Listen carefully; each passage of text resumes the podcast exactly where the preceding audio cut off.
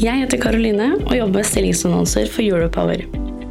Europower har mer enn 7000 abonnenter, og podkasten du nå lytter til, har mer enn 300 ukentlige lyttere.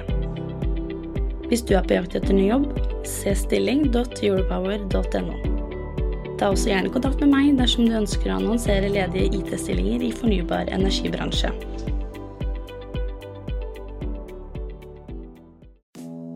Hei og velkommen til podkasten Teknologioptimistene. Vi er på ONS i Stavanger, en av verdens viktigste møteplasser for energiomstilling.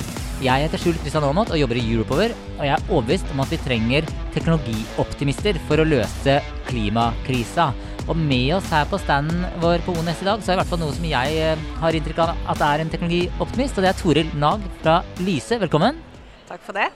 Eh, Toril, jeg gjorde et uh, raskt søk på internett uh, når jeg forberedte meg her.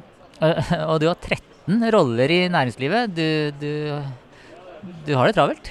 Det er nok å drive med, men så er det jo veldig veldig gøy det jeg får lov å drive med. Jobbe midt i skjæringen mellom energi og teknologi.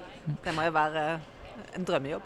Men hvem er du? Eh, sånn, profesjonelt så er jeg ansatt i Lyse-konsernet i Stavanger, som er en stor energi- og teknologivirksomhet som bygger vannkraftanlegg, men som òg bygger telekommunikasjonsoperasjon gjennom Altibox, fibernett, og som òg eier Norges tredje største mobilselskap, Ice. Og I Lyse så har jeg ansvar for telekommunikasjonsdelen, altså de som bygger fiber, lager underholdningstjenester, for så vidt krangler med TV 2, og bygger, bygger 5G-nett. Vi kunne jo kanskje tatt en egen episode om TV 2, men vi lar den ligge. Eh, hvordan vil vennene dine beskrive deg? Tja, det, det kommer an på om det var på on air med deg eller om det var til meg. Men jeg tror kanskje de vil beskrive meg som en god venn. Det håper jeg. Venner, venner og vennskap er veldig viktig for meg. Nevn en fun fact om deg selv, noe som ikke alle vet. Det er ikke alle som vet at jeg jobbet de fire første årene i karrieren min som programmerer. Mange tror jo kanskje at når man er bedriftsleder og, og har veldig mye fokus på det kommersielle, så kommer man fra økonomisiden. Men jeg er veldig stolt over å være sivilingeniør og har jobba med datateknologi helt fra grunnen. Og det har, har, vært veldig gøy. Hvilken linje gikk du til sivil? Jeg gikk på noe som het Computer Science and Microprocessors i Skottland. Ja. Og, og, min fordypning var innenfor AI og robotikk, faktisk. Og det var, dette her var jo i urtiden, må du huske. Og da var det ganske ja, når var uvanlig. Det? For nå, nå prater alle om AI. Ja. Når var dette? Dette var sent på 80-tallet. Så jeg var ferdig utdanna sivilingeniør i 1988. Og min masteroppgave gikk på å programmere roboter og bruke stemmegrensesnitt og, og læring for å få de til å rydde. Så det var interessant. Du må ha vært litt forut din tid? Jeg husker at uh, min mor sa det. Er kanskje ikke så ukjent at uh, hun syntes at jeg hadde det veldig gøy, men kanskje jeg burde ta noe mer praktisk, så jeg kunne begynne å jobbe i olja. Ja. Så det har hun jo sagt etterpå at kanskje det var lurt å ta det der AI-greiene likevel, da. Ja, faren min jobba i kirken, og han sa til meg at Eller han sa ikke at jeg burde bli misjonær, men han sa at du bør bli sivilingeniør, for da kan du få deg en jobb i olja. Exactly. du nevnte Ice. Lyse kjøpte nylig opp Ice. Hvorfor gjorde dere det? Vi driver jo med infrastruktur. Det er der Lyse kommer fra. I, for 120 år siden så begynte Lyse-konsernet og de, de, delene av selskapet som da eh, var lokale selskaper, å bygge strømnett. Og tidlig på 1900-tallet så var det jo mange som syntes det var litt sånn luksus. Hva skulle man med denne strømmen? Ja, hva skal man den? Ikke sant? Og da begynte man å bygge strømnett og begynne å bygge kraftanlegg. Så vi har drevet og bygd samfunnskritisk infrastruktur i 120 år. På 80-tallet så begynte vi å bygge fiber, egentlig ikke for å selge til TV 2 eller selge underholdning eller selge internett, men for å drifte kraftanleggene våre. Og så ble det på 2000-tallet til den fiber til hjemmesatsingen som er kjent under navnet Altibox. Og hvis du har fiber i hele landet og driver med infrastruktur, den neste bølgen infrastruktur for kommunikasjon er jo 5G. Og hvis du skal ha et skikkelig godt mobilnett, så må du ha fiber i bunnen, sånn at kommunikasjonen kan gå ned i fiberen. Så for oss så var det en veldig naturlig forlengelse av den infrastrukturen som allerede har bygd. Og nå ser vi jo òg eh, her i, i, åpningskonferansen i dag så ble det jo snakket veldig mye om at eh, krigen har gjort bransjene annerledes. Og det gjelder jo òg kommunikasjon. At det er blitt veldig mye mer fokus på robusthet og sikkerhet. Og da ser vi jo at kraftbransjen, som har vært med å bygge opp Altibox i hele landet, eh, gjennom sitt beredskaps... alle som driver med kraft er veldig opptatt av beredskap. Eh, og nå smelter de tingene veldig sammen. at Hvis strømmen går ned, så går jo mobilnettet ditt ned. ikke sant? Ja. Så nå ser vi at den infrastrukturhelheten som energi- og teknologibransjen eh, har, den eh, passer veldig godt òg når du skal bygge og drifte mobilnett. Og så et spørsmål, eh, bare sånn at jeg forstår, for vi har, vi har jo alltid boks hjemme. Ja. Eh, i fremtiden vil vi få det via luft, altså via trådløst? Altså Hjemme så får jo du det via trådløst gjennom wifien din. Ja, ikke sant? men, Alle- men det ender opp i veggen i Det en ender opp i kabel. veggen i en kabel, mm. og så kan du tenke deg at en 5G-nett gjør at du kan få samme opplevelsen òg når du forlater huset. Men eh, hvis du prøver å gjøre det i dag over Mm. 4G-nett, så vil du se at du får ikke noe særlig god kapasitet. Men på et 5G-nett så vil du få mye mer kapasitet. Men det må ned i fiberen, så jeg tror jo at eh, de aller fleste vil ha en fiber hjemme hvis du har eh, høyt behov. Men du vil kunne gjøre mye mer når du er på farten. Og så er det en del andre ting som 5G kan gjøre for industrien. Og det er også svært viktig for oss. altså Vår egen bransje, kraftforsyningsbransjen, er jo en viktig bruker av avanserte kommunikasjonsløsninger. Med, med oppkjøpet av Ice, var det en kundegruppe dere kjøpte, eller var det en teknologi? Vi kjøpte jo flere ting. Vi kjøpte jo eh, en teknologi som matcha vår egen fiberteknologi veldig godt. Så kjøpte vi òg mye flere kunder. eh, Vi dobla omtrent vårt kundetall på, fra 800 000 husstander på fiber til halvannen million nå på sum av fiber og mobil. Men vi kjøpte jo òg kompetanse. Vi kjøpte en gjeng i Nydalen i Oslo med superkompetente teknologer. Så alle de tre tingene var viktige for oss når vi kjøpte Ice. Eh, og du er jo med 13 roller i næringslivet, så er du kall en, en styreproff. Eh, du vet hvordan eh, man skal gjøre det i styrer. Og hvordan foregår det når, fra idé til ferdig oppkjøp? Altså, var det noen som hadde en idé om å kjøpe Ice, eller kom de med, med en invitasjon, Det- eller hvordan Det er jo ofte en sum av ting. ikke sant? For oss så var det sånn at for noen år siden så begynte vi å se at forlengelsen av fiber for å nå Altså alle må på skikkelig kraftig nett. Hvis ikke får du ikke rullet ut gode offentlige tjenester. Og vi så at eh, det å bygge, selv om jeg alltid har sagt at et hjem uten fiber er kun et hus, og det må ha fiber til alle, så tenker jeg at eh, det er en del plasser der det er svært krevende å få det til. Vi bor i et veldig langstrakt land, mye stein. Så vi så at vi trengte den forlengelsen av nettet vårt. Det var sånn én vinkel på det. Det andre var at vi så at kundene kom ikke til å være så opptatt av om de har fiber eller om de har mobilnett. Kundene vil ha tilgang til internett. Så vi så at tjenestene som var produsert på litt ulike måter i bånn, for kundene så spilte ikke det så mye rolle. Så kundeopplevelsen gikk mot at det var en fordel å ha begge typer nett. da. Så de to tingene til sammen, kombinert med at Ice ble til salgs. Så det er jo liksom eh, sjelden bare én ting. Men når Ice ble til salgs, eller måtte ha funding, da, så hadde vi allerede gjort grunnlag i forhold til at vi trenger mobilfrekvenser, og vi trenger et mobilnett. Så da passet det veldig godt, og heldigvis så landa det sånn det, som var, det gjorde. så det var ikke sånn, altså Jeg har lest den boken 'Tenke fort og langsomt' av Daniel Kahneman. Ja. Han har nobelpris i økonomi, og så Ja. sier han at tap veier mer enn gevinst. Det var ikke det at dere var redd for at dere måtte ha Ice fordi dere var redd for at noen andre fikk Ice? Nei, det var ikke det som var uh, tungen på vektskålen. Og det er litt sånn fordi vi er sånn som vi er, så, så er vi mer mulighetsstyrt enn fryktstyrt. Det er kanskje bransjen vår som har sånn lang erfaring at, at du har liksom ro i at du, er- du er langsiktig på investeringene. Men det er klart at eh, Jeg tror jo at vi står mye sterkere nå når vi har eh, begge deler. Ja. sånn. Um, var det en lang prosess, altså fra, altså fra det først ble lansert inn i, i et styremøte? For det er jo styret som beslutter oppkjøp, Ja. uh, med generalforsamling på lag.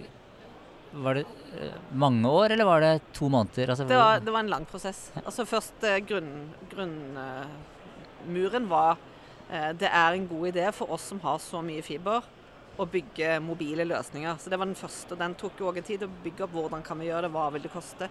Og så eh, var det en prosess i forhold til skal vi bygge opp noe selv, eh, skal vi partnere med noen, eller kan vi kjøpe noe? Og det eneste noe som var stort nok og bra nok til å kjøpe i Norge, var Ice. Og så var det vil, vil selgerne selge, og det var jo òg noe vi ikke kunne vite. Så, så, det, så fra vi fikk signal om at selgerne, eierne, kanskje ville kunne tenke seg å gjøre noe, så tok det kanskje et halvår, men det tok lengre tid for at vi skulle være klar enn det. Men det er en intensiv periode mot slutten, er det ikke det? Men- Intensiv periode på slutten. Ja. Eh, hvor mye betalte dere? Eh, Det er 5,6 milliarder, det har jo også stått i, i, Ja. i pressen. Mm. Det er jo penger, det. Det er penger, men det er jo et stort, eh, det er jo et stort eh, nett i hele landet.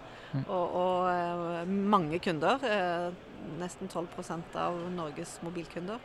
Og ikke minst veldig mange flinke teknologer, som jo er veldig viktig for oss. Eh, målgruppen for denne podkasten er jo først og fremst teknologer, og gjerne innen IT, i energi. Hva må til for at en teknologibeslutning eh, løftes videre fra ledelsen i f.eks. Ice Mm. og inn til styret? Og så er det jo eh, altså, Veldig mange teknologibeslutninger er jo ganske små, eh, og de tas jo av administrasjonen. Men hvis det er en stor investering eh, som, som, er virksomhetskritisk, så løftes han til styret. Da løftes han eh, Hva er en stor investering?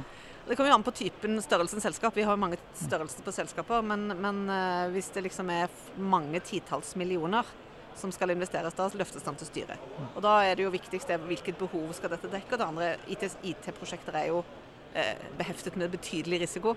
Eh, og, og, Derfor er det jo litt viktig for styret å forstå hva hvis vi gjør dette, hvilke alternativer. Så da får en opp eh, hvorfor, hvorfor, er det dette IT-prosjektet vi skal gå for for å løse dette problemet. Og Det er også noe som styret engasjerer seg i. Og Da er det kanskje en fordel at du har programmert litt, at du, du skjønner det er en stor fordel å skjønne IT fordi mm. det er så mye hiccups med IT-systemer. Mm. Og hvis du, hvis du, da ikke har teknologipassion, så kan du jo bli fristet til å gi opp noe. For det, det, det, jeg har i hvert fall aldri vært med på et IT-prosjekt som aldri liksom har støtt på humper i veien. Det har aldri skjedd. Nei.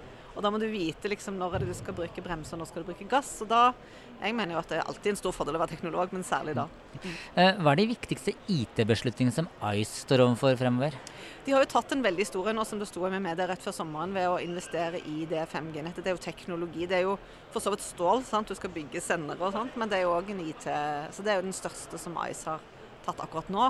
For televirksomheten generelt, altså Altibox og Ice og for så vidt fiberselskapene, så er det jo veldig mye kundesystemer som er de store investeringene. For kundene forventer jo eh, noe helt annet nå enn de gjorde for 10 år siden og 20 år siden, så der er det jo en konstant utvikling.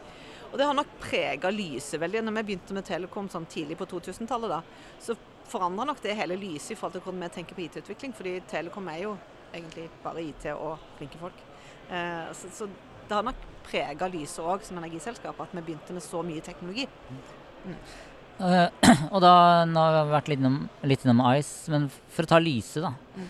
Eh, energibransjen blir beskyldt, og det, og det, kommer ikke bare utenfra, men også innenfra eh, hos teknologene i energibransjen, at man er litt siderumpa, eh, og at man eh, på, altså, i prosjekter gjerne følger fossfallsmetoden, som, er, som kanskje ikke passer helt for softwareutvikling, istedenfor å jobbe smidig. Eh, hvordan vil du svare på den kritikken? Altså jeg tror igjen at, at Det er ikke sikkert jeg har et, eh, et, bilde som er representativt for hele bransjen. fordi når vi begynte med Altibox, så begynte vi jo med smidig utvikling allerede tidlig på 2000-tallet og var veldig opptatt av eh, å ikke tenke sånn som de gammeldagse systemene. Så kanskje det ikke er så entydig bransjen, energibransjen versus andre, men om du er liksom veldig satt, om du er en, en del av en virksomhet som har vært lik veldig lenge, da kan hende du blir sånn. ikke sant? Men hvis du er i en bransje som stadig blir disrupta, så vil du tenke mer smidig, fordi det vil tjene deg bedre. Og da tror jeg kanskje at lyset ikke er helt typisk på IT-siden. Så Nei. kanskje jeg ikke er den rette til å svare på akkurat hele bransjen. Nei. Vi får spørre litt rundt uh, også og så videre uh, i neste podkaster uh, på det spørsmålet. hva er de største IT-beslutningene som ligger på blokka for Lyse? fremover? Altså, det er jo mange, Alt vi driver med, i IT, men det er en som jeg syns er veldig spennende. og Det er et samarbeid som vi har gjort sammen med Cognite og Hafslund, eh, der vi eh, skal lage et beslutningsstøttesystem for, eh, for vannkraftsiden, basert på AI. Og Det er jo sånn som forandrer bransjen vår. Så, så, Om det er det største Vi gjør jo stadig store IT-investeringer, men det er i hvert fall et eksempel på at bransjen er i stor omstilling. Og, og Vi hørte litt uh, inne på åpningskonferansen og på ONS. Så var det jo flere meget kloke hoder, både Elon Musk og andre, som snakket om hvordan energibransjen blir endret av at du både har knapphet på ressurser, så du er nødt til å gjøre noe både med forbrukssiden og med hvordan du fordeler eh, energien. Og så har du robusthet, altså det er krig. Eh, og så har du klima. Så for fire år siden, og det forrige gang var ONS, det er fire år siden denne gangen, så var det jo veldig fokus på klima. Og så har det kommet to enormt viktige pilarer til inn i energibransjen. Og det er klart at det påvirker oss jo kraftig. Og da trenger vi kanskje de beste, ja, de beste, altså beste ressursene generelt, men på teknologi de beste IT-ressursene. Mm. Hvordan skal bransjen klare å tiltrekke seg de beste IT-hodene? Det er jo et kjempevanskelig spørsmål. Men det som jeg tror bransjen har, som jeg opplever at mange unge er veldig opptatt av, det er at vi har konkrete samfunnsproblemer som vi må løse. Så de som begynner hos oss, får jo være med å løse veldig akutte, konkrete problemstillinger. Og være, og være nær der du får gi en løsning til kundene. Der er nesten ingenting Heller ikke bonuser, som, som vår bransje har lite av. Så, som, som, er mer tilfredsstillende enn å liksom være nær en god og viktig opplevelse for kunder og samfunn. Så jeg tror jo at det er nøkkelen til å få de gode hodene inn. Folk som har ideer. Eh, jeg hørte nå igjen inn tilbake på den åpningsseremonien. Eh, så var det en av eh, bransjelederne som sa at fra å være mer sånn toppstyrt, så hadde de invitert 300 av de unge, globale, flinke hodene til å bare presentere ideer til management. Det hadde de ikke gjort før. Fordi de trenger nye ideer. Og det er jo noe som appellerer til unge, flinke folk. At de får være med å påvirke. Så jeg tror jo det kan være nøkkelen. Har det vært vanskelig altså, Vi er jo i Stavanger, oljehovedstaden. Energihovedstaden. Energi, ja, men, men tidligere oljehovedstaden. Ja. og, og, lønningene i oljebransjen har jo vært eh, relativt gode. Har det vært vanskelig å konkurrere eh, med ja, olje? Det har det, men, men, det som jeg har sett er at igjen tilbake til det med, med mening og, og, mulighet til å påvirke i oljebransjen. Fordi den har vært sånn som den har vært, så har det vært veldig høye lønninger, men de har òg hatt eh, veldig smale oppgaver, en del av de. Sånn at du har liksom kommet inn, og så gjør du din lille brikke. Du er ganske langt unna eh, det som gir de store inntektene til selskapet. Mens hos oss er det mye nærere en samfunnsutfordring. Som, vi merker at en del eh, faktisk har slutta fordi de har fått eh, tilbud om høyere lønn, og har kommet tilbake igjen fordi at de føler at de er tettere på. Så tror jeg nok òg det er viktig at, eh, for oss i Lyse da, at vi har hovedkontor her. At du er en del av en lokal bedrift. Mm.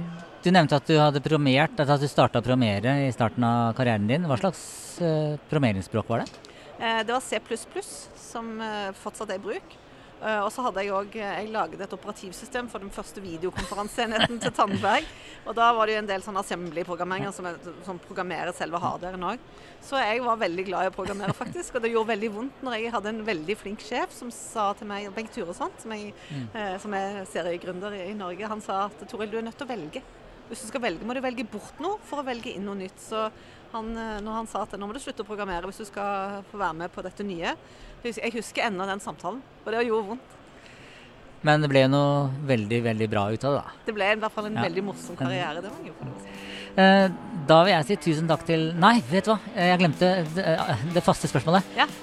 Min første datamaskin var en Amiga 500. Ja. Hva var din første datamaskin? Det var en Commodore 64 som min far kjøpte til oss barna. Og der vi programmerte Hello World, eh, som jo er Ja, så du begynte å programmere der, du. Ja. ja, da er det ikke så rart at du har holdt deg innen teknologi, i hvert fall. Eh, da vil jeg si tusen takk til deg, Toril Nag, for at du tok deg tiden til å besøke standen vår her i halv nummer ti på Ones.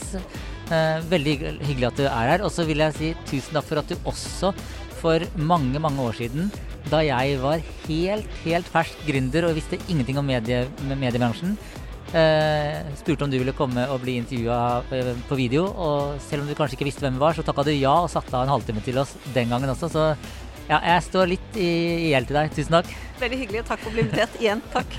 eh, takk. Tusen takk til deg som har lytta til Teknologioptimistene og denne spesialepisoden fra ONES i Stavanger. Jeg heter Skjul Kristian Aamodt og jobber i Europower, og jeg er en teknologioptimist.